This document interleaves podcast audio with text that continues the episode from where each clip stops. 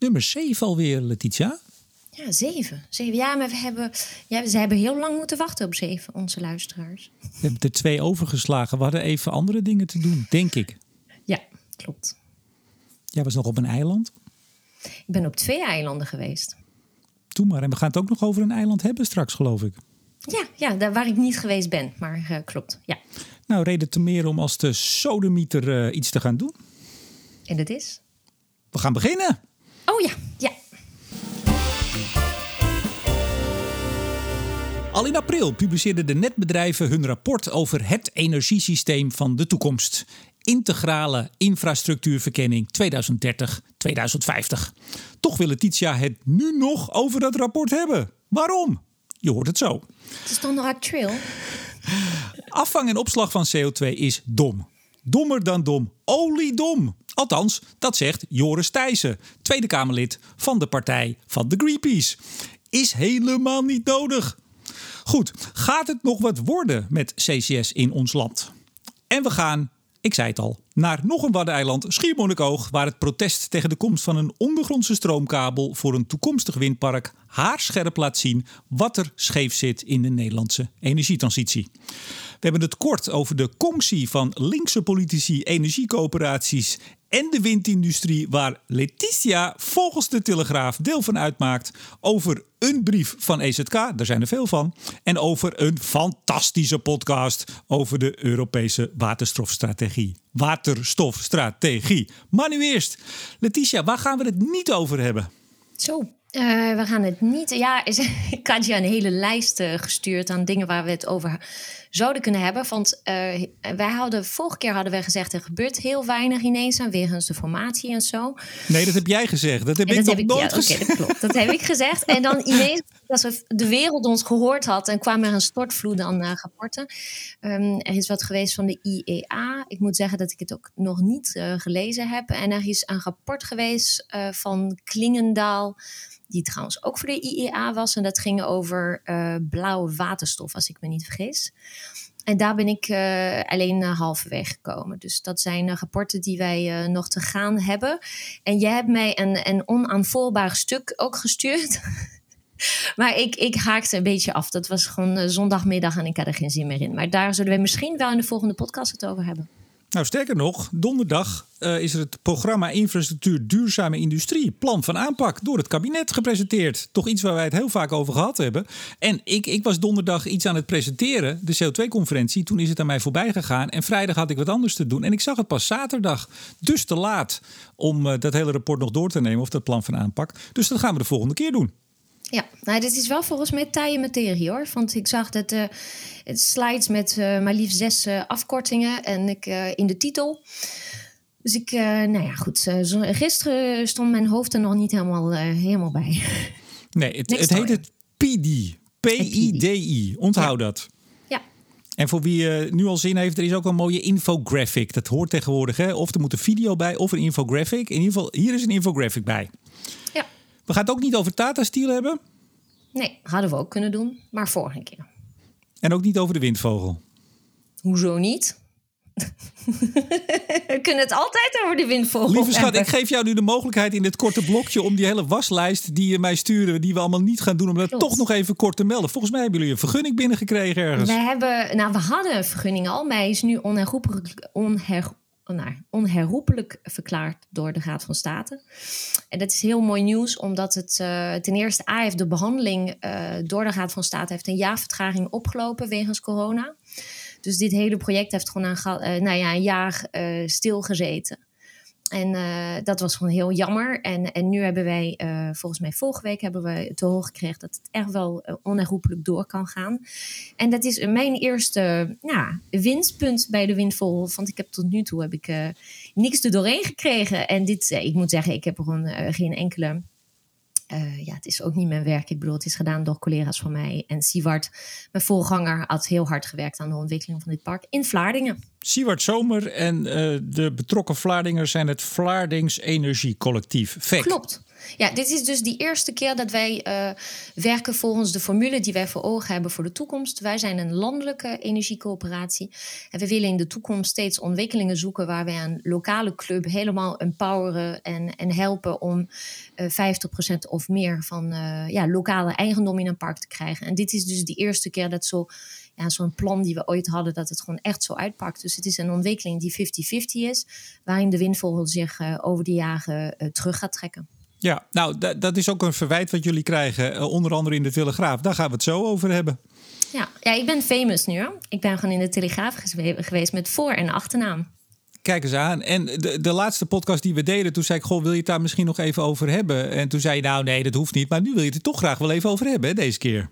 Nee, je zei zullen wij een, een tussenpodcastje doen waarin je gewoon je frustratie hierover kan ventileren. Maar ik, ja, weet je, ik, ik um, ja, ik, ik, heb, ik heb besloten dat ik beschouw dit als gewoon de laatste stap in mijn integratie. Ik heb nog geen paspoort, maar ik ben wel in de Telegraaf geweest. Goed en, zo, daar gaan, we, daar gaan we het zo, ja, over, hebben. zo over hebben. Want we gaan het straks langer hebben over waar we het niet over gaan hebben. Dan waar we het wel ja. over gaan hebben. En waar we het wel over gaan hebben is het energiesysteem van de toekomst. Het rapport van de netbeheerders. Uh, 28 april aan minister Van Woud toegestuurd. En volgens mij nog aan heel veel andere mensen. 214 pagina's, maar een, een handzame samenvatting van 80 pagina's. Ja, en jij wilde het toch heel graag erover hebben nu nog, een maand later. En je, je hebt hem zelfs op één gezet in jouw prioriteitenlijstje. Ik vraag jou dan, Letitia, geef mij een prioriteitenlijst. Want, want uit die hele brei kan ik anders geen wijsheid. En dit was jouw nummer één. Waarom? Uh, A, omdat ik mij uh, op deze manier aan, uh, en, hoe noem je dat, een deadline zet dat ik hem gelezen moet hebben. en het is best wel een taai groot rapport. Maar hiernaast omdat, zoals je weet, maak ik mij gewoon echt heel veel zorgen dat wij niet op tijd de investeringen gaan doen in het energiesysteem. En dan heb ik het echt over de ondersteunende infrastructuur.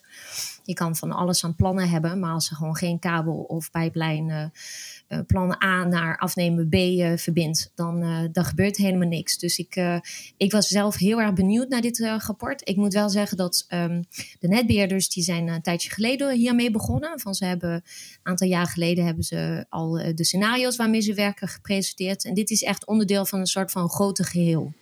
Dus ze zijn echt met een soort van lange termijn plan om heel uh, ja, zorgvuldig, stap voor stap uh, te kijken naar de toekomst van onze elektriciteit- en gassysteem en warmte. Ja. En dus dat is. Uh, en ik, ja, weet je, we hebben als kantoor uh, hier hebben we veel met de Beergeschot Calawasta scenario's moeten doen. Omdat uh, heel vaak vragen klanten of je met dezelfde scenario's als de netbeheerders wil gaan doorrekenen. Dus ik, ik volg het echt met veel, veel interesse. Ja, maar jouw zorg, ehm, en die heb je vaker uitgesproken. wat we dus nu niet bespreken is die PIDI, namelijk het plan van aanpak. Eigenlijk min of meer als antwoord op heel veel van die zorgen. Hoe zorgen we nou dat we voldoende infrastructuur hebben? Daar ligt nu dus een plan van aanpak. Gaan we het over twee weken over hebben.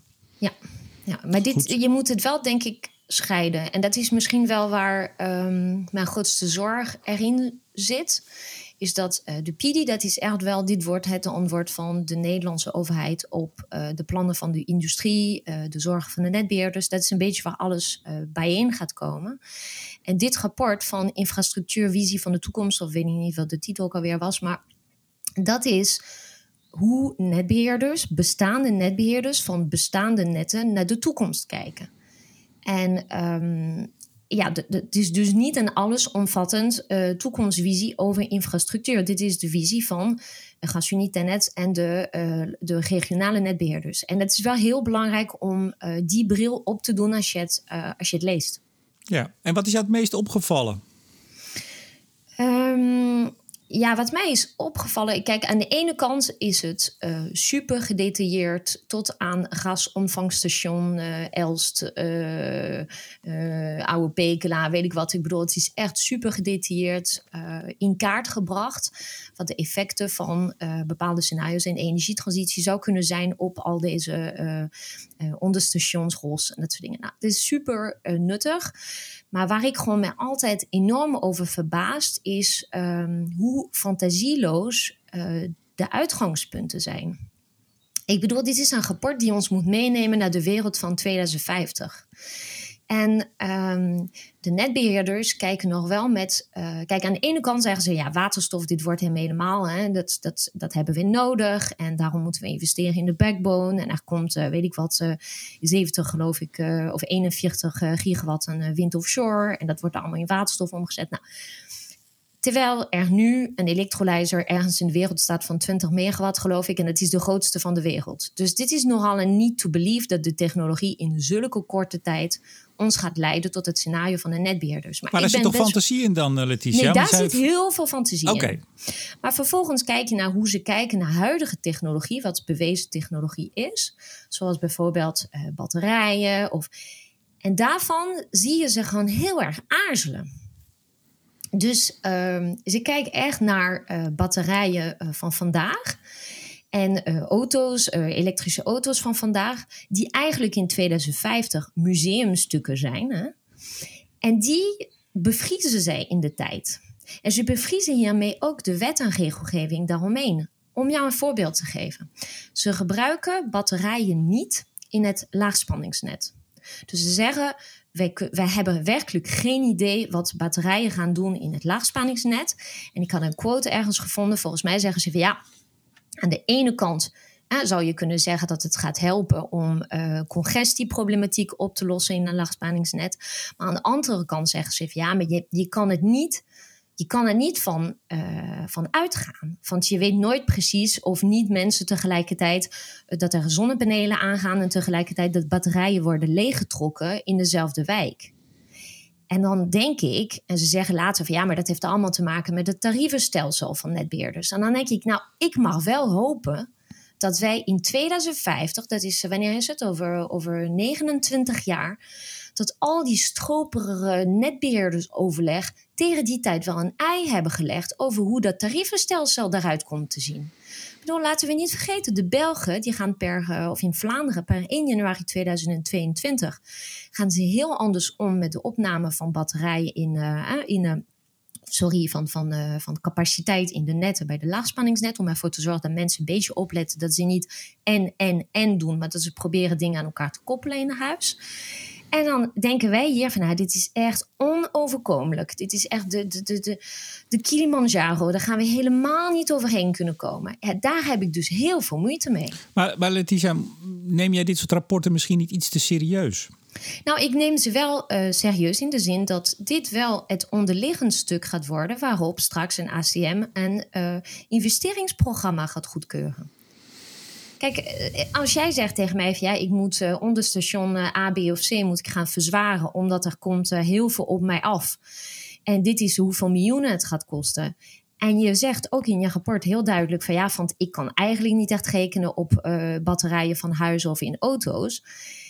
Dat vind ik dus, ik bedoel, we zijn toch prudent met ons kapitaal. Ik, ik vind het gewoon heel gek. En daardoor als ik die bril opdoe, dan raak ik gewoon gefrustreerd over zo'n rapport. Van ik denk, ik toon wel de flexibiliteit van geest om met jou mee te gaan met de technologische fantasie over hoe de waterstofmarkt zich gaat ontwikkelen. Maar jullie tonen niet de flexibiliteit van geest om technologie die nu al bewezen is en alleen wordt tegengehouden door regelgeving, om daar iets mee te doen.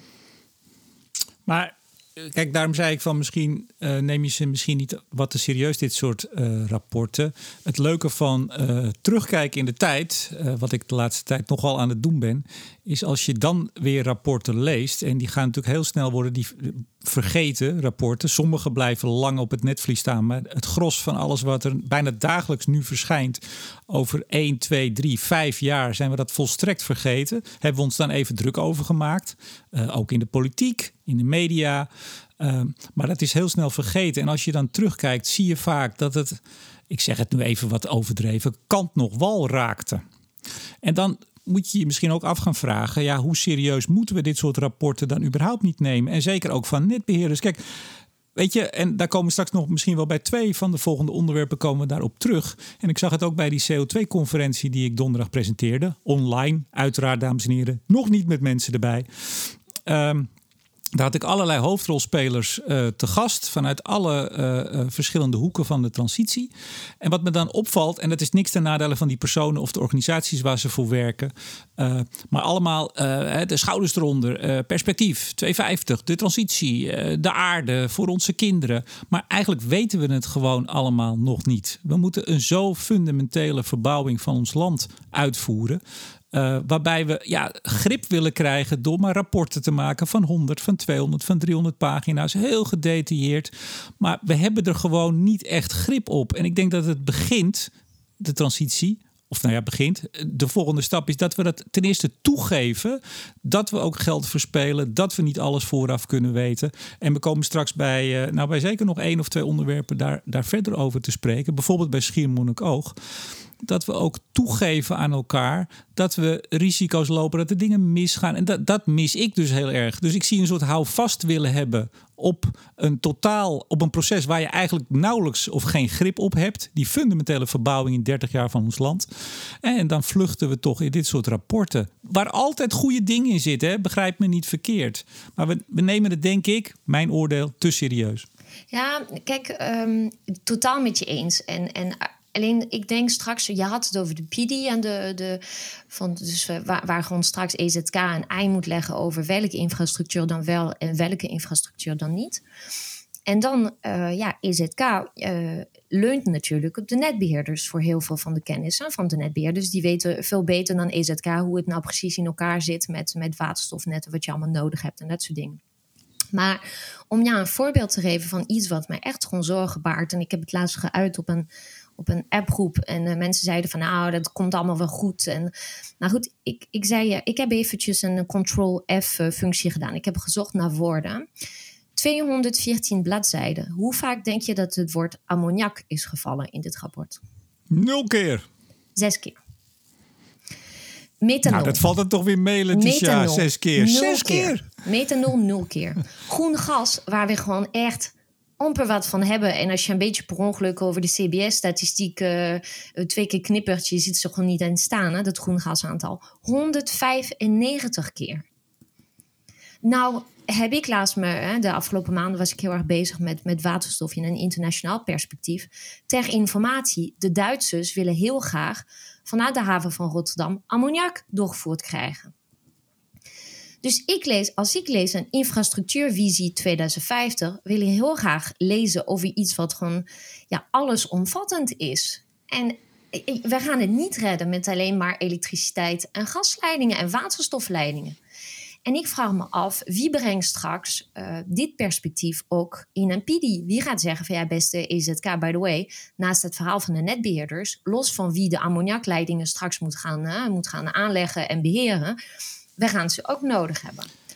Maar ik, ik, denk dat je de netbeheerders hier een, een uh, ja, misschien toch een grotere rol toedicht. En die willen ze zelf ook heel graag hebben. Hè? Want oh, wat zijn ze druk. Wat zijn ze druk met rapporten. En uh, bedoel, als, als je naar de netbeheerders luistert, dan lijkt het wel of zij inderdaad alle, alle antwoorden hebben en precies weten hoe het moet. Dat weten zij ook niet. Alleen ze trekken nogal een grote broek aan. Zoals bijna iedereen uh, in de transitie een nogal grote broek aantrekt. En ook niet eerlijk durft te zeggen dat ze het ook gewoon allemaal niet weten. En dan vlucht je in onderstation Elst en weet ik veel wat. Dus dat zit hieronder. En waar het vandaan moet komen, dat is eigenlijk jouw vraag. Ja, uiteindelijk moet het van de politiek komen. En daar zit denk ik de grote. Wat zeg je? Nou ja, en de politiek de laatste tijd, dat, sorry, maar het is allemaal uh, tweetje dit en, en korte zinnetjes. Ja, maar daar precies. ja. ja. maar Letitia, daar zit dus het, daar zit het probleem in combinatie met media. Maar laten we doorgaan naar het volgende onderwerp. Want we komen hier nog wel even op terug. Want dit is denk ik. Het is mooi ook. We nemen dit op op uh, tweede Pinksterdag. Dit is een mooie dag om eens even gewoon te zeggen hoe het zit. We lossen het gewoon nu op. Uh, vind je dat goed? We lossen de hele transitie gewoon op. En dan gaan we eerst even kort naar uh, Gevangen in Windmolenweb. Was op 8 mei, zaterdag, Telegraaf. Groot stuk. Conctie van linkse politici, energiecoöperaties en de windindustrie. Die probeert in Amsterdam plannen voor windmolens erdoor te drukken. Citaat van de Telegraaf. Hè? En jij wordt daarin genoemd. Um, er zijn sowieso door die hele Conctie nauwe banden met Eneco sinds 2009. En uh, ja, jij, uh, jij, jij hebt daar gewerkt. Uh, jij bent er ook een, een onderdeel van. Hè? Ik zou het bijna een complot willen noemen, mevrouw Oeje. Ik heb ook de, de beste man van de Telegraaf, de, de journalist, ehm, heb ik ook gewoon even een bericht gestuurd via Twitter. En ik had gezegd, als je met mij contact had opgenomen, hadden we het complot veel groter kunnen maken. Van ik kom uit Frankrijk. Dus stiekem ben ik natuurlijk bezig om al die windmolens uiteindelijk aan EDF over te hevelen. En dan gaan we daar gewoon kerncentrales van maken, toch? Ja. Nee, maar met alle respect. Ik bedoel, ik. Um, ik heb gewoon hele vervelende berichten gehad van uh, mensen die uh, met anonieme accounts, met allemaal vlaggetjes. Um, mij uh, zijn gaan vertellen wat ze van mij vinden. En Met allemaal vlaggetjes bedoel je meestal, uh, dat zijn nogal rechts, rechtsnationalistische krachten, noem ik dat even. Nou dat ja, die associëren ja? zich met andere groeperingen dan ik. En, uh, en nou ja, goed, weet je, allemaal prima, ieder zijn nee, mening. maar welke groeperingen dan even toch? Want dan, dan maken we het wat scherper. De, ja, nou, wat meer extreemrechts groeperingen die, okay. die vooral vielen over het feit dat ik dus comploteer met de Eneco. Dus het idee zou zijn voor mensen die de Telegraaf niet lezen dat uh, de Windvogel, waar ik dus de energiecoöperatie, waar ik de voorzitter van ben, dat wij al lang banden hebben met, uh, met Eneco en dat ik uh, als. Maar is dat zo? Nou, nee, kijk, wat het is, is dat Eneco, net zoals bijvoorbeeld Green Choice, dat zijn bedrijven die in het verleden en dan hebben we het over jaren 2000 tot 2015. Heel expliciet een strategie hadden om lokaal duurzaam te doen. Dus het is wel zo dat als je bezig was met een windpark ergens, dat je veel sneller ging aankloppen bij de bedrijven die zeggen van wij willen het graag met de burger doen. Dan dat je ging aankloppen bij grote bedrijven die uh, projecten realiseren zonder dat de burger erbij betrokken hoeft te zijn. Dus ja, als je gewoon optelt uh, de bedrijven waarmee we in het verleden samen hebben gewerkt, dan zal je uh, in, in de. Kijk, heel veel van onze parken zijn gewoon uh, in onze eigen handen, hebben we geen commercieel partij bij. Maar als je gewoon iemand zocht om je stroom aan te verkopen, dan ging je van nature aankloppen bij bedrijven waarvan je dacht van nou, die zijn burger-friendly. Maar het is toch dus ook logisch. Het, maar het is toch ook logisch, en dat heb je in alle uh, hoeken, en dat zul je ook aan de rechter of zelfs de extreemrechtse kant hebben ja, allerlei partijen die hetzelfde willen. Jullie willen graag meer uh, windmolens neerzetten. En dat wil Eneco ook. En dat willen, wil Green Choice ook. Ja, dat die elkaar tegenkomen. En dat soms mensen overstappen van het ene bedrijf naar het andere. Ik bedoel, dat daar verbanden zijn. Maar dat, dat tref je in iedere, uh, ja, in iedere tak van sport. En wat ik altijd heel erg flauw vind, maar nogmaals, dat vind ik aan de linkerkant, de rechterkant, de industrie en de groene beweging. Je kan heel makkelijk ook, want dat gebeurt dus ook in dit, in dit artikel ook wel. Want ik heb hier nog wat andere artikelen ik zit in Amsterdam. Uh, groot stuk, hè, Parool zit er vol bovenop. Je, je kan heel snel een soort duister complot suggereren door mensen aan elkaar te binden die hè, op bepaalde plekken elkaar tegenkomen. Maar dat kun je overal. Ik vind het altijd buitengewoon zwak en uh, ja, eigenlijk ook wel laf dan moet je ook echt bewijzen dat er kwade opzet is of dat soort zaken. Dus het feit dat jij bij Eneco hebt gewerkt of dat ik wel eens een bijeenkomst voor de, de olie en gas heb uh, gepresenteerd en dan krijg ik te horen, oh, dan word je betaald en dus zal je wel hun mening verkondigen, dat soort dingen. Dat vind ik altijd buitengewoon laag. Dus daar moeten we vanaf. Ja, en het, het scoort makkelijk, dat snap ik ook wel. Um, maar iets anders wel, toch? Ja. Wat in dat stuk naar voren komt. En dat komt ook weer in uh, afgelopen zaterdag in het Parool. Ik zei het al, heel groot stuk. Hoe de wind uh, ineens draait in Amsterdam. Daar wordt melding gemaakt. Ik ben even toch heel benieuwd. Ik ken je als een oprechte dame. Uh, wat je daarvan vindt. bewoners in een deel van Amsterdam waar dan nu een zoekgebied lijkt te komen. Want deze week wordt dat, als ik het goed heb, begrepen, uh, afgetikt of het inderdaad zo is. Maar daar hebben ze een uh, projectleider die optreedt namens de gemeente, alsof hij ambtenaar is. Ik heb ook even na, nagezocht. Er staan ook echt presentaties van de gemeente Amsterdam met de drie kruisjes. En nou, dan is deze persoon, laten we de naam in het midden laten even, die treedt op als ambtenaar. Maar die is ingehuurd uh, van Pondera. Nou, dat is een verwijt wat op meerdere plekken ook in de media wordt gemaakt. Iemand van je, ik, begrijp, ik, ik begrijp het verwijt gewoon echt niet. En ik zal je vertellen waarom. Nou, ik begrijp het wel.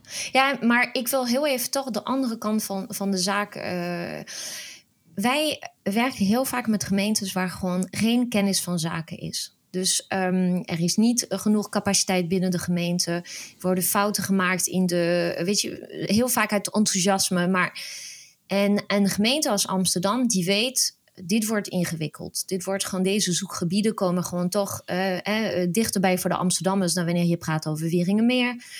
En, en dat een gemeente zegt van we gaan de beste van de beste inhuren om ervoor te zorgen dat dit proces 100% goed verloopt. En dat er geen fouten worden gemaakt en dat uh, de initiatiefnemers echt aan de tand worden gevoeld Zodat we straks zeker terug kunnen kijken op een, ja, op een, op een hele verzorgde uh, uh, behandeling van uh, dit zoekgebied. Dat vind ik zo goed. Dat je gewoon als gemeente zegt: ja, dit, dit groeit ons echt boven het hoofd. We weten niet precies hoe het moet. Geen van onze ambtenaren kan dit echt.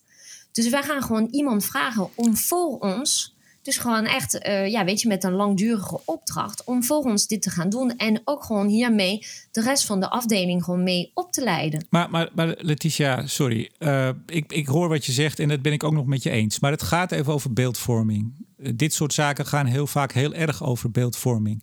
Bewoners die een, een brief schrijven of reclameren, die krijgen van deze persoon antwoord als zijnde de, ja, het zal wel de projectleider zijn van de gemeente Amsterdam. Die googelen dan en die zien dat hij nu uh, op dit moment gewoon werkt voor Pondera Consult. Sterker nog, als je naar zijn LinkedIn kijkt, staat Amsterdam er niet bij. Hij is gewoon onderdeel van het bedrijf. En dat is een bedrijf.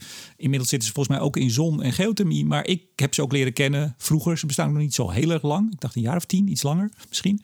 Uh, als het, het windbureau het windbedrijf die meer windprojecten helpt realiseren dan kan je toch op je klompen aanvoelen dat tegenstanders zeggen: ja, maar dit kan niet, beste gemeente. En ik weet, er is een PMB, een projectmanagementbureau van de gemeente Amsterdam. Daar werken volgens mij 200 mensen. Orde grootte.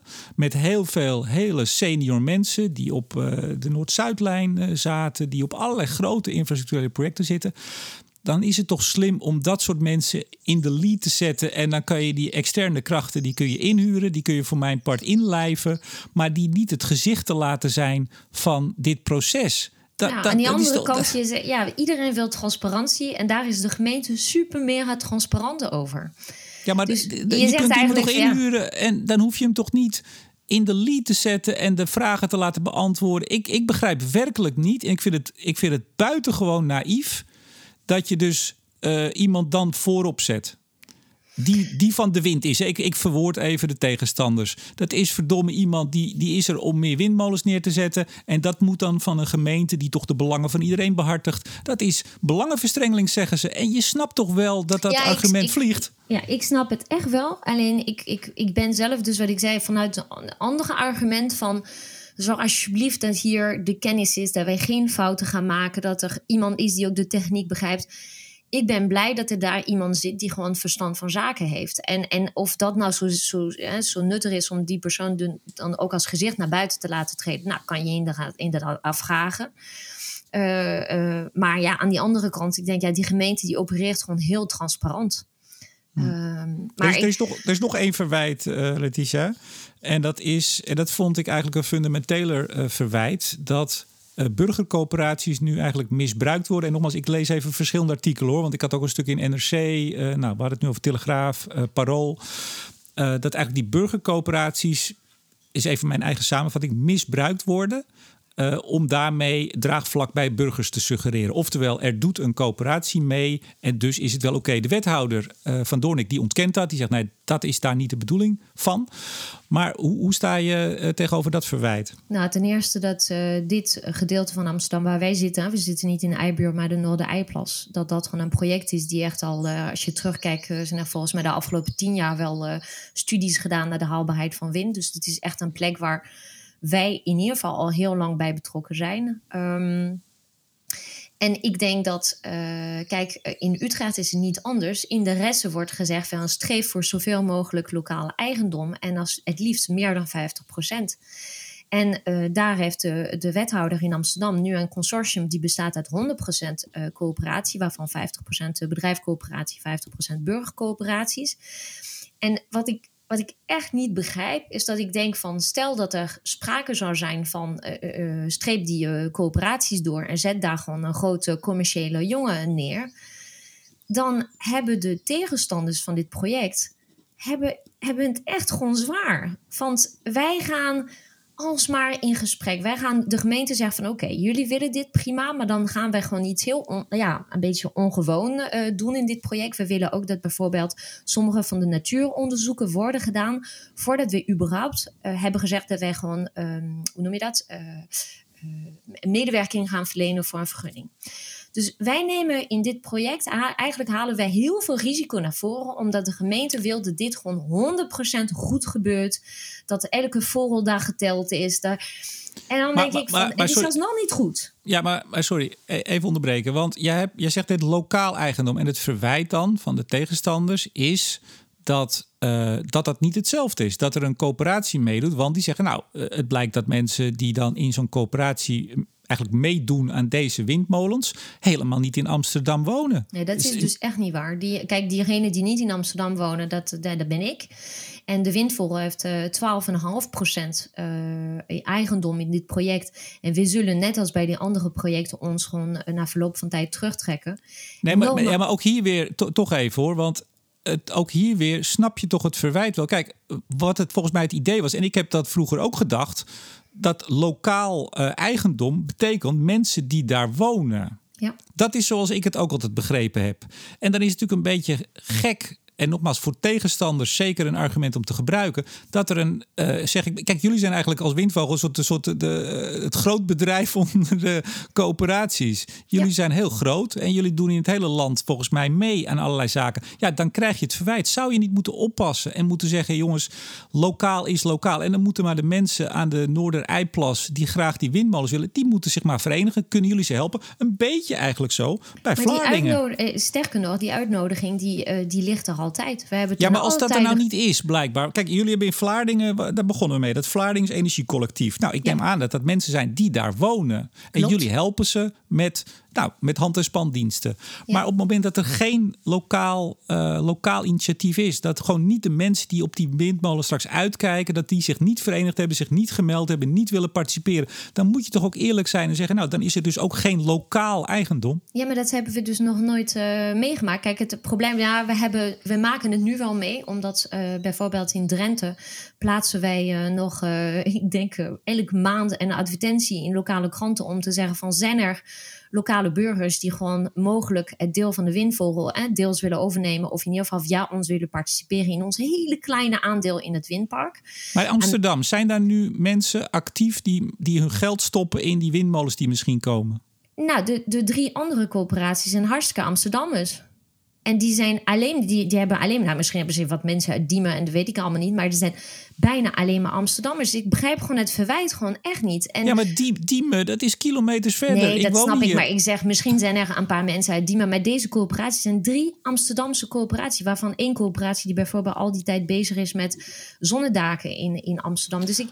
Maar als, als het verwijt dan aan de windvogel is, en daar ben jij de chef van, ja. Moet je dan misschien niet zeggen dat, uh, ik zeg het misschien wat hard, uh, dat de windvogel, uh, die krijgt nu de aandacht. Jij wordt met name en toenaam genoemd als onderdeel van die Kongsi die blijkbaar daar windmolens wil doordrukken. Moet je dan niet zeggen, nou misschien is dit model waarbij de windvogel naar buiten treedt. Hè? Jij komt uit Utrecht, mensen uit andere. Misschien moet je dat wel niet meer doen. Laat het dan over aan die drie die daar zitten. Nou ja, weet je, uh, dat zou je kunnen zeggen. Maar tegelijkertijd heeft de Windvogel, we hadden laatst geteld. Volgens mij hebben we zelf 400 of 500 leden in Amsterdam. Dus nou ja, weet je, je zou ten alle tijde kunnen zeggen van... nou, we hebben Windvogel Amsterdam, dat bestaat ook. Daar hebben we net zoveel leden als de andere uh, coöperaties. Maar hiernaast nogmaals, um, je zorgt ervoor dat die drie lokale coöperaties, die mogelijk aan het begin nog niet de ervaring hebben, die het nog niet gedaan hebben, die weten nog niet precies hoe zo'n vergunning aangevraagd kan worden, je helpt ze met geld van je eigen leden. Dus daar zit geen enkele commercieel partij tussen. Dit is toch fantastisch? Ik bedoel, wat ik, waar ik altijd zoveel moeite mee heb, is het feit dat mensen niet beseffen dat zo'n windvol is een vrijwilligerscoöperatie. Ja, maar, ik, maar goed, laten we. Want we zouden kort nieuws doen. En dit is volgens mij best wel een, een lang item aan het worden. En het komt vooral ook door mij. Want ik, ik begrijp echt niet dat, uh, zoals jij zegt, ik, ik snap niet dat. Uh, snap ik niet dat jullie niet aanvoelen, ik zeg even jullie, niet aanvoelen dat als je iemand inhuurt van Pondera en die gaat als ambtenaar uh, het neutrale gemeentelijke gezicht vertegenwoordigen, dat je dan gewoon nat gaat en dat je daar voortdurend verwijt over zult krijgen en houden. Want dit proces duurt nog jaren, dat wordt alleen maar erger. En ik snap echt niet zo goed dat als er al drie lokale Amsterdamse coöperaties zijn, dat je dan als windvogel, en dat merk je dus, dat zie je aan de krantenartikelen en ik zeg niet dat ik het ermee eens ben, hè, voor de goede orde. Uh, maar dat je het verwijt krijgt dat daar een hele grote eh, soort van moloch die in Vlaardingen, in Drenthe, in Amsterdam bezig is, dat je daarmee dat beeld van lokaal eigendom, lokaal draaglijk, dat je dat daarmee schaadt, eerder dan dat je het versterkt. Het spijt me. Ik, uh, ik snap niet dat je dat niet ziet, dat dat argument heel makkelijk te maken is. Ik, ik snap heel goed dat het argument goed te maken is. Ik wil Over het eerste wil ik zeggen, wij hebben de beste man van Pondera niet aangenomen. Ik zeg alleen, ik begrijp wel hoe een gemeente tot die keuze is gekomen. En ten tweede, een moloch. Ik bedoel, we hebben 3.500 welwillende leden. Eh, die allemaal met 100, eh, 150 en soms 1000 euro er, erin zitten. Dus het is gewoon, ja, weet je. En ik denk altijd, het alternatief is, want op dit moment moet er geld uitgegeven worden in dit project. Er moeten natuuronderzoeken worden betaald. Die coöperaties hebben dat geld nog niet. En ik vraag me echt af of er burgers zijn nu in Amsterdam die zeggen van... oh, moet er al 30.000 eh, euro, weet ik wat, op tafel worden gelegd voor een onderzoek... en we weten nog niet eens of er ooit een park komt waarin we kunnen investeren. Hier heb je het geld van mij ja, maar daarmee, daarmee worden jullie eigenlijk een heel kleine, nette, met vrijwilligers opgetuigde Eneco of Green Choice. Dat is eigenlijk wat het wordt. Jullie worden te groot eigenlijk voor dit. Nou, ik denk dat we juist dat het, gewoon een hele mooi model is. Dat je gewoon de, de ervaring van ene plek naar de andere plek brengt. Dat je de ervaring op, van vrijwilliger op vrijwilliger brengt. En wat we ook heel vaak zien is dat onze leden, dan zeggen we van ben je lid van de Windvogel en woon je toevallig in Vlaardingen by the way, stap dan, weet je, stap over. Word lid van onze lokale partner, de VEC. En laat je lokale stem horen. Dus het, ik vind het, ja, uh, Sivar die noemt het het aardbeienplantmodel. En dat je steeds gewoon, uh, dat je steeds in de rond schiet van de ene plek naar de andere plek. En ik snap niet waarom een burgercoöperatie een dreiging is in deze. Die super transparant is en alles. En dat we zeggen van, wat hebben de mensen liever? Dat gewoon EDF morgen komt samen met drie coöperaties in Amsterdam wat bouwen? ik begrijp, ik begrijp gewoon, ik, ik begrijp het verwijt gewoon echt niet. Maar ja. Nee, nee, nou, maar goed, daar zijn we dus rond. Je begrijpt ook het verwijt niet. Ik, nou goed, laten we, laten we doorgaan. Want hier kunnen we denk ik nog heel lang, nog jaren over uh, praten. Um, oliedom. Ja, in een van jouw onderwerpen, en ik, ik wist er ook niet zo heel veel van te maken in de intro, moet ik eerlijk zeggen. Jij, jij mailde mij alleen maar CCS is oliedom. Ik moest nog vragen, meen je dit nou of wat? Maar dat was een tweetje van uh, Joris Thijssen, Tweede Kamerlid uh, voor de Partij van de Greenpeace. Die, die vindt... Stop dan nou mee. Nee, ik ga voortaan ga ik altijd zeggen Joris Thijssen, Kamerlid, Tweede Kamerlid voor een kandidaat regeringspartij de partij van de Greenpeace. Maar die vindt het oliedom en daar wil jij het over hebben. Ja, ik, kijk, ik wil het. Hij was niet de enige. Er is heel veel kritiek gekomen. Dat ging over de running, of de gunning uh, van de, de SDE. Van Portos. Van Portos. Nou, uiteindelijk de SDE die gerund is aan de partijen die uh, in Zeker. Portos hun CO2 moeten gaan bergen. En uh, ja, weet je, ehm, je hebt gewoon er werkelijk geen krant gelezen in de afgelopen vijf jaar als dit als een verrassing kwam. Uh, de SDE die was helder. In het klimaatakkoord was al een bijlage van hoe ze dit erbij gingen financieren. Dat de SDE ging uitgebreid worden met CCS. Eh, we wisten allemaal waar de CCS zou plaatsvinden. Iemand maakte een grapje dit weekend, omdat ik vertelde dat ik aan mijn man een passage uit de SDE uh, advies van PBL aan het voorlezen was. En op een gegeven moment draai ik me om en was hij gewoon aan het snurken op bed achter mij. dus iemand zei: Ja, was je al bij het paragraaf gekomen waar CO2 in biobased material werd, uh, werd opgeslagen in de bouw? En dat bestaat natuurlijk helemaal niet als categorie. Maar um, ja, weet je, we had this coming. En de keuze van CCS die hebben wij gemaakt uh, eigenlijk uh, impliciet uh, twintig jaar geleden, toen we allerlei andere dingen nog niet gedaan hebben of uitgesteld hebben. En nu is het moment dat iedereen in de wereld zegt van ja, we gaan gewoon CO2 opslaan. En je kan het wel oliedom noemen en je kan weer, weer Shell, de, de, de zwarte piet geven van alles wat er gebeurt. Maar wat bereik je hiermee? Nou, dat zal ik je precies zeggen, Letitia. Hier bereik, hier bereik, je mee dat het draagvlak, en we gaan zo naar Schiermonnikoog, dat het draagvlak voor de transitie breed, dat dat uh, afkalft. Dat je dat schaadt. Daar, daar, daar sla je uh, stukjes vanaf. Daar komen barsten in. Want uh, waarom halen we, en denk jij ook, Joris Thijssen, Tweede Kamerlid voor de Partij van de Greenpeace aan? Dat komt omdat de Partij van de Greenpeace 11 megaton bleek uit de doorrekening PBL in het verkiezingsprogramma had zitten de meeste van alle partijen. Dus ik denk daarom ook dat in dit geval uh, de Partij voor de Greenpeace wordt aangehaald. 11 megaton en dan zeggen dat het oliedom is. En dat vind ik, dat maakt meteen even het sprongetje naar die, uh, ik zei voor de grap, fantastische podcast. Vond ik zelf namelijk wel. Afgelopen zaterdag uh, heb ik het gesprek gehad met Bart Groothuis, VVD-Europarlementariër, over de Europese waterstofstrategie. Had jij in al jouw drukte nog tijd om daarna te luisteren? Ja, ik heb gisteren keek de hond mij wat merkwaardig aan, want uh, hij voelde het al in zijn water dat hij weer een rondje moest wandelen. Dus ik heb gisteren een extra wandeling gemaakt om, om te luisteren. Dus ik heb het gehoord, ja. Nou, Um, daar, daar zegt uh, Groothuis, hij zegt best wel een aantal uh, uh, ja, scherpe dingen. Maar één daarvan is dat hij zegt: Ja, ik heb NGO's aan mijn tafel. En die eigenlijk er wel voor zijn, of niet tegen in ieder geval. Maar weten dat het er toch wel komt. En zich dus stevige kritiek permitteren. En dat heb ik ook wel eens op andere terreinen gehoord. Dus je weet dat het komt, je weet dat het nodig is. Je bent er ook eigenlijk wel voor. Eh, op, op zijn minst niet tegen. Maar naar buiten toe, hij zegt zodra er een camera op staat, uh, hoor je het, uh, het tegenovergestelde. ik dat is killing. Ik, ik, vond trouwens wel super interessant. Dat wist ik helemaal niet. Dat er gewoon uh, bij de Europese Raad, geloof ik, of parlement, dat er gewoon geen camera's zijn. Wist je dat? Dat ze helemaal in alle rust van alles kunnen zeggen, zodat het vervolgens ingekort nou, wordt. In, in de, zaal, de zaal wordt gewoon gefilmd hoor. Maar hij vertelde dat heel veel van die gesprekken niet opgenomen worden. Ja, dat zijn, nou, volgens mij was dat, was dat een, een, een beetje een, een losse, losse opmerking over uh, de, de, de, het idee dat wij in Nederland ongeveer alles, ook de gesprekken met de formateur en informateur willen gaan filmen. Nee, kijk, in het Europees Parlement, daar, daar wordt gewoon alles gefilmd. Het gaat okay. meer over de gesprekken daar, daarachter. Maar, maar, maar toch even. Uh, kijk, en, Joris Thijssen. En ik zeg natuurlijk niet voor niks uh, Partij van de Greenpeace. Want uh, ja, hij verwoordt nog steeds één op één. En misschien nog wel iets harder het geluid dat hij verwoordt als directeur van Greenpeace. Dus ja, dan is het niet zo gek. Hij zit er zo geharnast nu in. En nogmaals, 11 megaton wat uit je programma blijkt. En dan zeggen, nou, moeten we gewoon niet doen. Het is ook helemaal niet nodig, hè, zegt hij. Het is helemaal niet nodig. Groene stroom, groene waterstof. Uh, nou, dat is zelfs goedkoper voor 230. Allerlei scenario's. Ah, dat is gewoon killing voor de transitie. En dit maakt ook uiteindelijk. Kijk, je kan zeggen. Nee, nog eentje stap terug. Wat hebben wij gezegd, Letitia? Uh, woorden doen ertoe. Ik heb later nog gezegd, de toon doet ertoe. Dit zijn allemaal zaken die maken dat. Nou, dan komt er straks. Ik werd alweer gebeld door een uh, actualiteitenprogramma. die een item willen gaan maken over CCS. Nou, ik zal niet zeggen wie het, welk programma het was of wie het was en uh, wat, wat, voor vragen het waren, maar dat blijkt wel uit.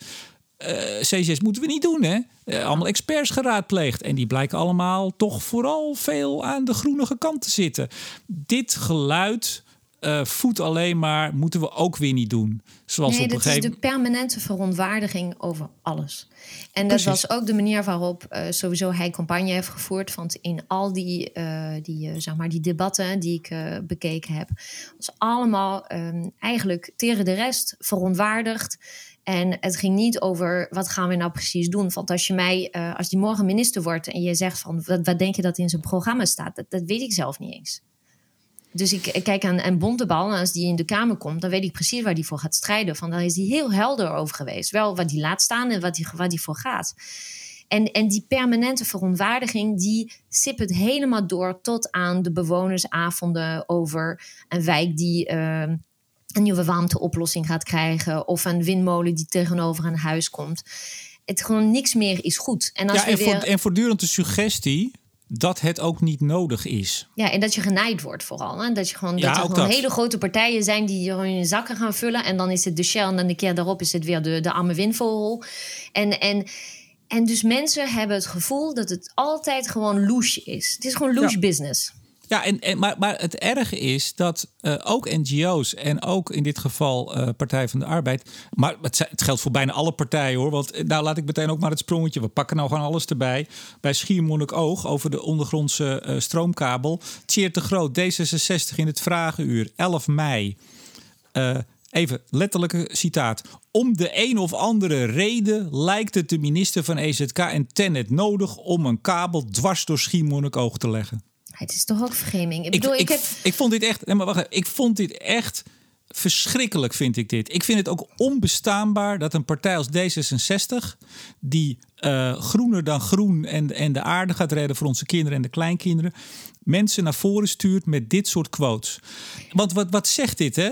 Maar Remco, er is, moeten we niet aan mensen uitleggen wat, wat er aan de hand is? Want Schimonico kennen mensen misschien wel van een weekendje in de herfstvakantie, maar we moeten misschien wel... Maar wacht even, laten we even terug anders naar... Uh, eerst even CCS, laten we dat even af, afmaken. Um, oliedom, uh, ja, oliedom.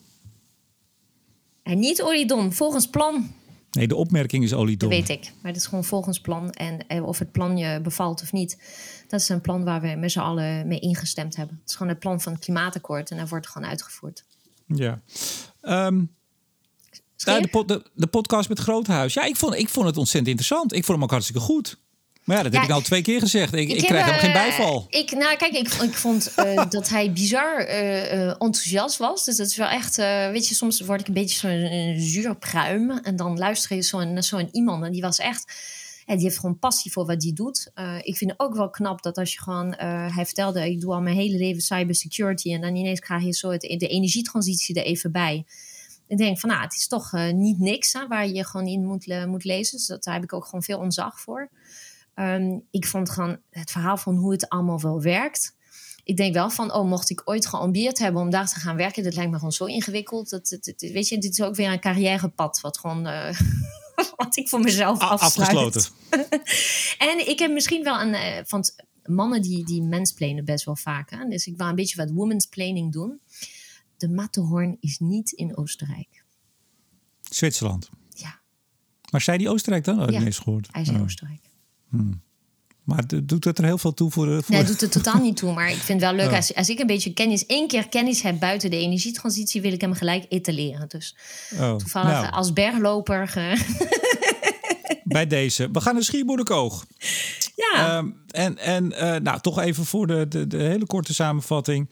Er wordt al volgens mij, maar Lennart Goemans zal ons ongetwijfeld uh, corrigeren als we het fout zeggen. Met ik zeg zo, zo'n twee jaar wordt er, op, uh, wordt er gewerkt en is er gewerkt. En er ligt een mer van inclusief bijlage 1500 pagina's naar negen tracés om een kabel van het toekomstig windpark ten noorden van de Wadden, heet dat geloof ik, ten noorden van de Waddeneilanden om die aan land te krijgen. Daar is uh, lang al over gesteggeld. Met bewoners zijn inspraakavonden geweest. Met het regionaal bestuur, provincie, gemeentes.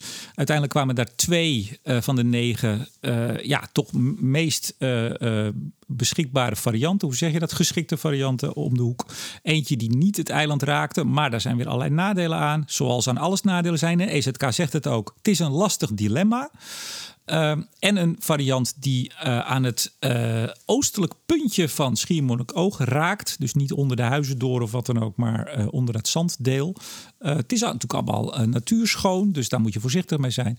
En waarvan ook de gemeentes en de, de bestuur heeft gezegd... nou, daar, daar kunnen we wel mee instemmen als aan een aantal voorwaarden wordt voldaan. Maar plots uh, nou, wanneer was dat? Twee maanden geleden misschien? Ja, nou, is op 22 maart en op 29 maart zijn uh, bewonersavonden geweest. En je zou kunnen denken van het is voor het eerst dat er uh, met de bewoners is gesproken. Maar wat je zegt, er lag, ik heb gewoon allemaal historische onderzoek gedaan. En er lag in het voorjaar van 2019 al een NRD. Dat is een notitie, rijkwijde en detailniveau. Waarin Tenet eigenlijk haar plannen uh, dat zijn uh, notities, dat moeten we straks ook doen dan voor de windmolen in Amsterdam. Dat is gewoon een notitie die, uh, die iedereen kan lezen en iedereen feedback op kan geven. Dus er is echt een hele grote ja, participatieproces eraan voor, voorafgaand geweest. En 22, 29 maart zijn er, gelegen, ja, is gelegenheid geweest voor de inwoners om nog een keer vragen te stellen.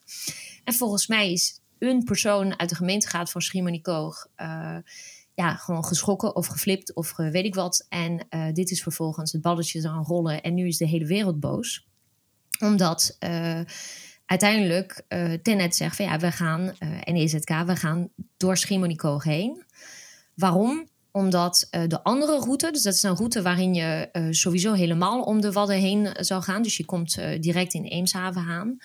Ze zeggen van ja, dat kan helemaal niet. Van het wordt heel moeilijk vergunbaar omdat er uh, korte afstanden zijn van andere kabels. Daar zitten rustplaatsen van zeehonden. En er zitten ook uh, mijnen blijkbaar in uh, in het water.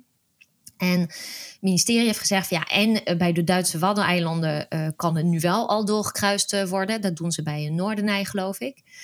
Dus uh, Tenet heeft gezegd, ja, we denken eigenlijk alles, uh, nou, Tenet of de ministerie, weet ik niet eens, maar uh, alles aan, aanschouwd hebbende, is dit de meest wenselijke variant. Dat we dus gewoon door Schiermonnikoog heen gaan.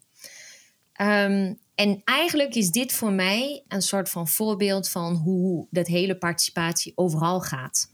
Je kan mensen alle kansen geven om mee te praten. Je kan, weet je, er zijn zoveel fases waar je betrokken kan worden, waar je je input kan geven. En toch kunnen mensen aan het einde van de rit het gevoel hebben dat ze gewoon never nooit daarvan gehoord hebben of gehoord zijn. En participatie wil niet zeggen acceptatie. Je kan, je, kan net zoveel brieven sturen dat je er niet mee eens bent. Nou, dat, dat, en dan schrijft de minister van ik heb het gehoord en ik heb het gelezen, maar toch heb ik het gewogen tegen andere belangen. Hè? De technische complexiteit en de, en de natuurbehoud en al dat soort dingen. En, en toch kom ik hierop uit. Ja. Ja, dan heb je ruzie. Ja, maar weet je, kijk, ik vind altijd bij dit soort zaken dat uh, ik heb het minst moeite, of eigenlijk helemaal geen moeite met bewoners, met uh, mensen die op een eiland wonen of waar dan ook, of uh, aan de Noorderijplas. ik vind iedereen heeft het recht om iets niet te willen. Dat is prima. Ja. Als jij zegt, nou, ik wil helemaal geen stroomkabelen hier, want hè, de, de verhalen zijn ook van het, de ongerepte natuur gaat naar de galamiezen en het lijkt af en toe wel of heel Schiermonnikoog van de landkaart zal verdwijnen voor die kabel. Overigens, ook dat is altijd wel aardig als je terugkijkt de afgelopen twintig jaar deze eeuw, uh, hebben we dit heel vaak gezien en dan blijkt eigenlijk in, nou, eigenlijk alle gevallen, vrijwel alle, nee, alle gevallen, dat er helemaal niks mee, uh, er gaat helemaal niks mis. Hè? Maar er worden bijna apocalyptische. Mag ik even? Want ik heb toevallig een huisje op Ameland. Um, ik kan je verzekeren, ik heb met ledenogen gezien hoe uh, een NAM-platform, waarvan de NAM honderdduizend keer had beloofd, dat was een proefboring die uiteindelijk niks geworden is. Dus honderd keer beloofd om het op te ruimen. En het ging allemaal van goed komen en weet ik wat. En uiteindelijk is de hele boel met verontreiniging en alles is gewoon de zee ingesleurd en de duinen ingegaan omdat er op een gegeven moment een storm kwam na 15 jaar beloofd. Dus die gewoon de boel heeft weg, uh, weggesleurd. Dus ik, dat de Waddeneilanden uh, met ledenogen kijken hoe wij met ze omgaan. Zeker na een containerzooiramp en dat soort dingen. Ik, ik begrijp dat gewoon heel erg Nou, goed. weet je, Tisha, dan weet ik het heel goed. Laten we dit item gewoon lekker stoppen. We moeten het niet doen. Laat maar zitten, die stroomkabel. Nou, want het gaat helemaal mis. Want bij de NAM is het toen ook misgegaan. want er Nee, kwam een storm na zeg ik 15 niet. jaar. Maar je Ja, kan niet zeggen... Nee, ik reageerde op dat je zei... eh, het, is bij, het is bijna nooit gebeurd, hè, dat het uiteindelijk gewoon Nee, dat alles het- waarvoor gewaarschuwd Lu- luister werd. nou ook even, lieve schat. Ja, Ik heb het even over de transitie breed. Ik heb het over de aanleg van de stroomkabel voor Luchterduinen. Waar ik ooit nog eens in 2012 naar een inspraak of een, een bewonersbijeenkomst in het, eh, wat was het, het NH-hotel in Noordwijk ben geweest. Waar al, bij al dat soort zaken, waar het ook gebeurt, worden apocalyptische beelden geschetst van wat Oh, allemaal dat, altijd ja. mis zal gaan. Ja. En natuurlijk, er gaat altijd iets mis. Maar misschien is dat ook wel de kern eh, wat ik zou willen zeggen. Er gaat altijd wel eens wat mis. Kijk, we zijn een land geworden. En daarom loopt die transitie ook spaak. Want ik had bij de CO2-conferentie, ik zei het al, allerlei mensen zeiden, we moeten de schouders eronder en we moeten doorpakken en we moeten nu dit. We zijn een land geworden waar we eigenlijk niets meer aan de status quo willen veranderen. Dat is het uitgangspunt. Er mag geen, geen schep de grond in rondom Schiermonnikoog. Er mag geen windmolen aan de Noorderijplas komen. Er mag geen, geen gram CO2 een leeg gasveld in als het aan de partij van de Greenpeace ligt. Dat is wat we geworden zijn. En dan kun je dus een transitie, de meest bizarre, snelle, want 30 jaar is snel, verbouwing van ons land van de fossiele economie naar een groene, duurzame, circulaire economie, dan kan je die vergeten. ja. En als we dat niet, dat niet agenderen, dan kunnen we nog honderd rapporten van de netbeheerders over hun visie op 250. Dan kunnen we allerlei pleidooien houden in de Kamer.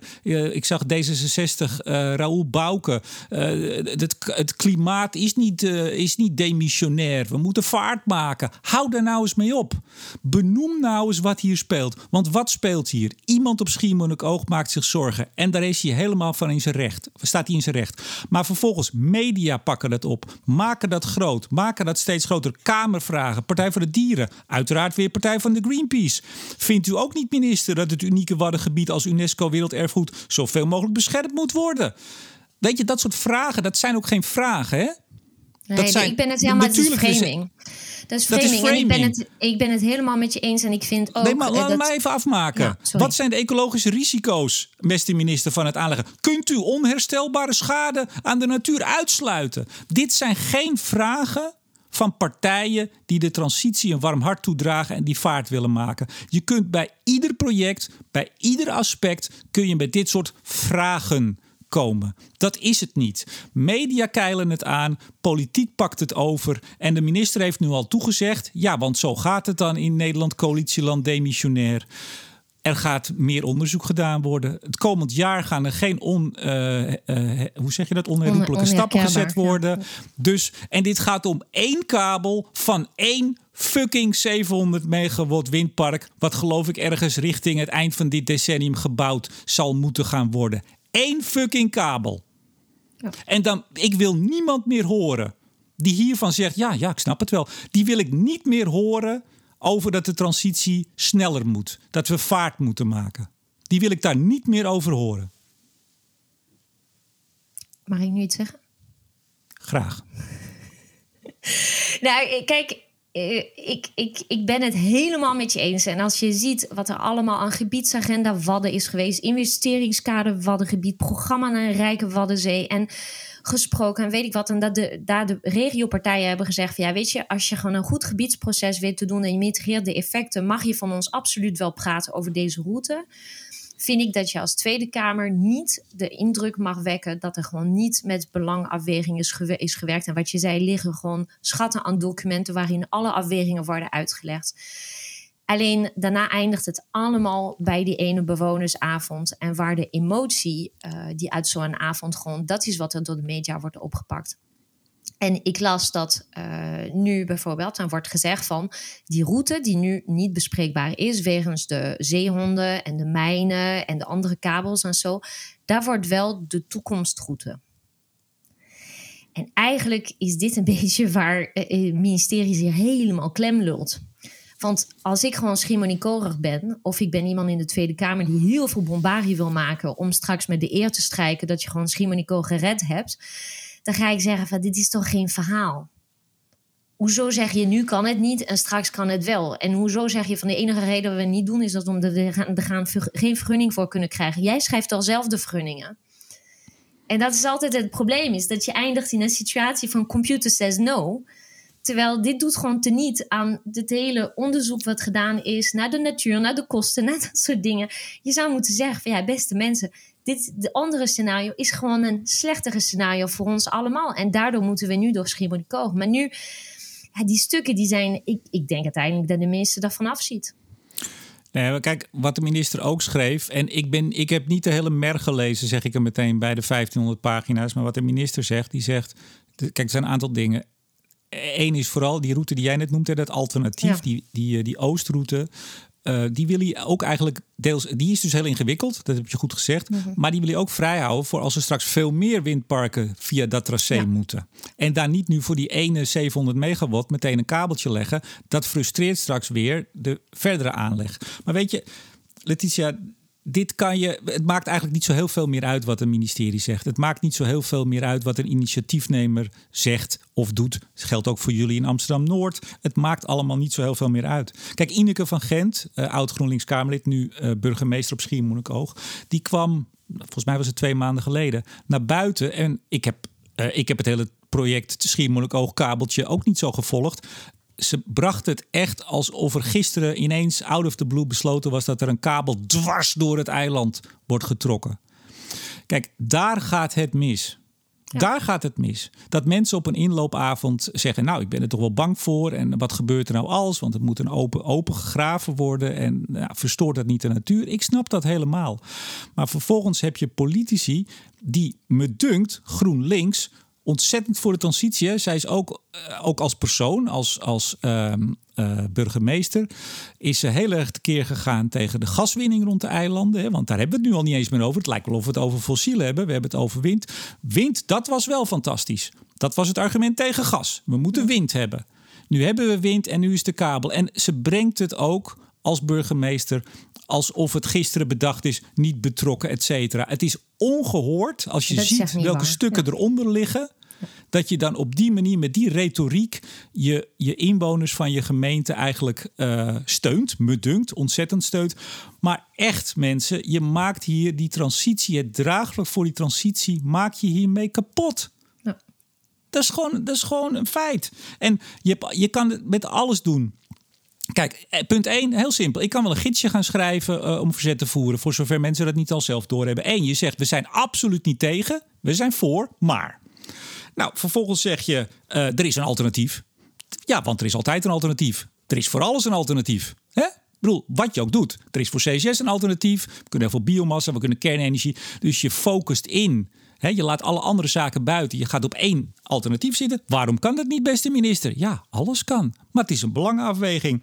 Nou, dan suggereer je, jij zei het net ook al even. Dan suggereer je dat er uh, politieke spelletjes worden gespeeld. Of dat er een duistere lobby dat is. is ja. Dat het loesje is. Dat er, uh, let op, een fossiel belang. De fossiele industrie zit erachter. Hè? Nou, dan heb je meteen de, de media Misschien aan je kant. Misschien moet je Shell even erbij pakken. Moet altijd Tuurlijk, Shell die zal er wel op de achtergrond spelen. Dan zeg je dat het over geld gaat. En waarom kan er nou niet een beetje geld worden uitgegeven?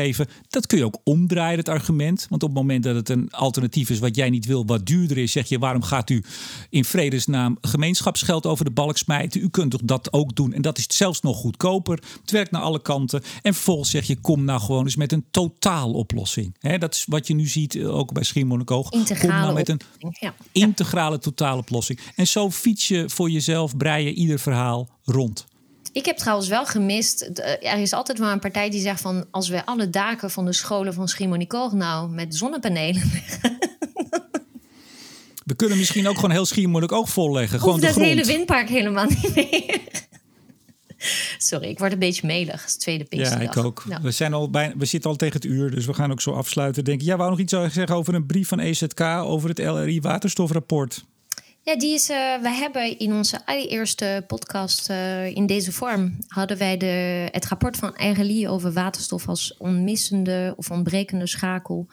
Uh, van de energietransitie. En voor de oplettende kijkers of luisteraars is er nu een reactie geweest van de minister op de brief. En ik, nou, het is allemaal prima gedegen. Van ik ga zorgen voor veiligheid en ik snap dit en ik snap dat. Dus het is op zich een soort van to-do-lijstje ik, ik, ik viel alleen over één zinnetje waarin hij lijkt te zeggen, maar misschien is het mijn doorinterpretatie van wat ik lees, dat hij carbon for difference, of contract for difference, uh, dat hij dat niet ziet als een um, haalbare oplossing voor de industrie. En ik uh, wilde dus uh, de luisteraars in de industrie even wakker maken om dit stukje te gaan lezen en hun eigen ja, meningen te twitteren. Nou, kijk eens aan bij dat deze is gedaan. Een uitnodiging, hashtag, hashtag contract for difference. Oh, heerlijk. Kan je weer de hele dag en, en de komende dagen kan je daarmee druk zijn. Ik ga uh, in de tussentijd wat anders doen, denk ik. Ik heb ook even die, uh, die brief gelezen. Nou, hij haalt alle punten keurig aan. Wij vonden het een heel slecht rapport, hè? Dat, dat lees ik een beetje ertussendoor. Maar nee, wij. Ik... Jij oh, niet. wij. Oh. we, vonden, nou, we vonden er niet heel veel toevoegen, nee. Nee. Nou, en deze brief voegt in die zin ook niet zo heel veel toe. Maar ik heb er één zinnetje uitgehaald. Want hij loopt alle punten keurig langs. Het ja, het is heel belangrijk. En uh, ja, veiligheid, ruimtelijke impact, leefomgevingseffecten, al, maatschappelijk draagvlak. Dat is, uh, dat is ja. natuurlijk allemaal heel belangrijk. Uh, dat vergt ook een heldere communicatie. nou, kwamen we er daar maar mee. Maar goed. Maar er staat één zinnetje in. Het is aan een volgend kabinet om beslissingen te nemen over nieuwe begrotingsmiddelen. Ja. Nou, me dunkt. Ik bedoel, ja, ik bedoel, weet je, het is, uh, dit gaat toch voor een belangrijk deel ook over geld. En achter komen nog wel heel veel rapporten en oproepen aan de formateur of de informateur of weet ik veel. Ik heb helemaal geen zin meer in. We gaan gewoon stoppen, Letitia. We ja, kunnen weet je die trouwens, podcast weet je stoppen wat ik, uh, gewoon. Weet je wat ik ga doen over een paar dagen? Kappen er gewoon mee. Weet je wat ja? ik ga doen over een paar dagen? Je vraagt me altijd, wat heb je in het... Uh... Ja, vooruitblik. Nou, vooruit, ik ga, uh, ik zeg het in het Nederlands, want ze spreekt toch geen Nederlands. Ik ga mijn moeder vergassen, mijn moederdag, vergassen, verrassen. mijn moederdag, Oei. sorry, het is mijn accent. Um, ik ga denk ik vliegen naar Nice. Uh, vliegen, sorry mensen. Ik, ik zie me echt niet 1500 of 1200 kilometer in mijn eentje in de auto. Um, en ik ga dus naar mijn ouders uh, ja, toe. En ik, ik heb ze niet verteld van ik ben heel bang. Stel dat je de test hebt en het is toch positief en het gaat niet door. En, dus ik heb ze nu uh, bijna een jaar niet gezien. En uh, in, eigenlijk in twee jaar heb ik ze twee keer een week gezien. Dus ik, ik vind het heel spannend. Ja. Ja, want jij bent nog niet, jij hebt nog geen vaccinatie, denk ik, gehad. Nee, van ik ben natuurlijk echt heel jong. En uh, nee, ik ben dus gewoon niet uit. Nee, ik ben, ik ben in, de, in de batch die uh, ergens vanaf mid-juni uh, ja, van start zal gaan. Mijn ouders zijn overigens allebei twee keer gevaccineerd. Ja, ik zag volgens mij een tweetje van jou waarin je zei dat je 42,9 jaar oud was, toch? Ja, ik ben, ben over iets meer dan een maand jarig. Ja, nou, ik heb de eerste prik gehad. Ik ben namelijk heel oud. Nee, ik heb en, gelezen en, en waarom. Dat en stond op, de, op de, de, de, de grieppriklijst. En dan mocht je ietsje voor. Maar uh, nou, ik had wel een dag echt ontzettend last van mijn arm. Maar dat was maar één dag, dus dat scheelde. En ik, uh, ik heb wat dekking. Mijn moeder werd uh, afgelopen zaterdag 90 jaar. Zo. En dat hebben we niet groots kunnen vieren natuurlijk, maar we zijn er wel heen gegaan. Nou ja, ik ben nu volgens mij al redelijk beschermd. Zij is beschermd. Dus ja, het, gaat wel allemaal weer, wat meer open. En in die zin uh, gun ik jou jouw reisje naar, tri jouw reisje naar Trip. Jouw tripje naar Nice ja. uh, zeer. Ja, dus jullie lezen op Twitter of het allemaal gelukt is met, met testen en, en aantonen en alles. Maar ik heb, ik heb er super veel zin in. Dus Doe je gewoon een thuistestje? Ik doe nee, nee, nee. Je moet echt een, een, een, officiële test en uh, gewoon volgens mij 100 euro dokken of zo voor een, een, een, ding met een stemper op. En, eh, die, en ik moet hem weer op de terugweg weer doen. Dus dat uh, Oké. Nou, voor die, voor die CO2-conferentie afgelopen donderdag uh, moest ik en alle gasten een zelftest doen. Ik vraag me altijd af, want wij hebben die gewoon bij de, bij de drogisterij volgens mij gekocht voor een, voor een paar rotcenten. Dat kost niks. Uh, of dat nou wel een goede test is, vroeg ik me ineens af. Want die officiële test, dat is, daar komt toch wel wat meer bij kijken. Ja, nou nee, nee eigenlijk. Want ik heb uh, zelf een officiële test gedaan, maar niet bij de GGD, maar bij zo'n sneltest, uh, weet je, waar je te veel voor betaalt een keertje, omdat ik ook iets moest doen. En, en dat was eigenlijk dezelfde procedure. Alleen ik vraag me altijd af of mensen echt zo diep gaan in hun neus als wanneer een meneer met een maanpak met een beetje een dwingende stem tot vijf telt. maar dat was precies hetzelfde. Dus ja, niks in de keel, alleen in de neus. Oh, nou, ik, eh, op de zelftest stond uh, tot 2,5 centimeter in de neus. Dus ik heb keurig een streepje op het stokje gezet bij 2,5 centimeter. Daar heb ik mijn duim en wijsvinger op gezet. Ik dacht, nou, dieper dan dit moet ik niet gaan. Nou, ik vond diep zat hoor. maar goed, dit, dit gesprek gaat uh, gewoon helemaal nergens meer over. Uh, ik denk dat we maar moeten gaan afsluiten. Ja, ja en nou, eigenlijk meer dan ook moeten we nu uh, concluderen dat dat de straat vredig is. La rue est calme, want er is geen draagvlak. Tot de volgende keer. À la prochaine.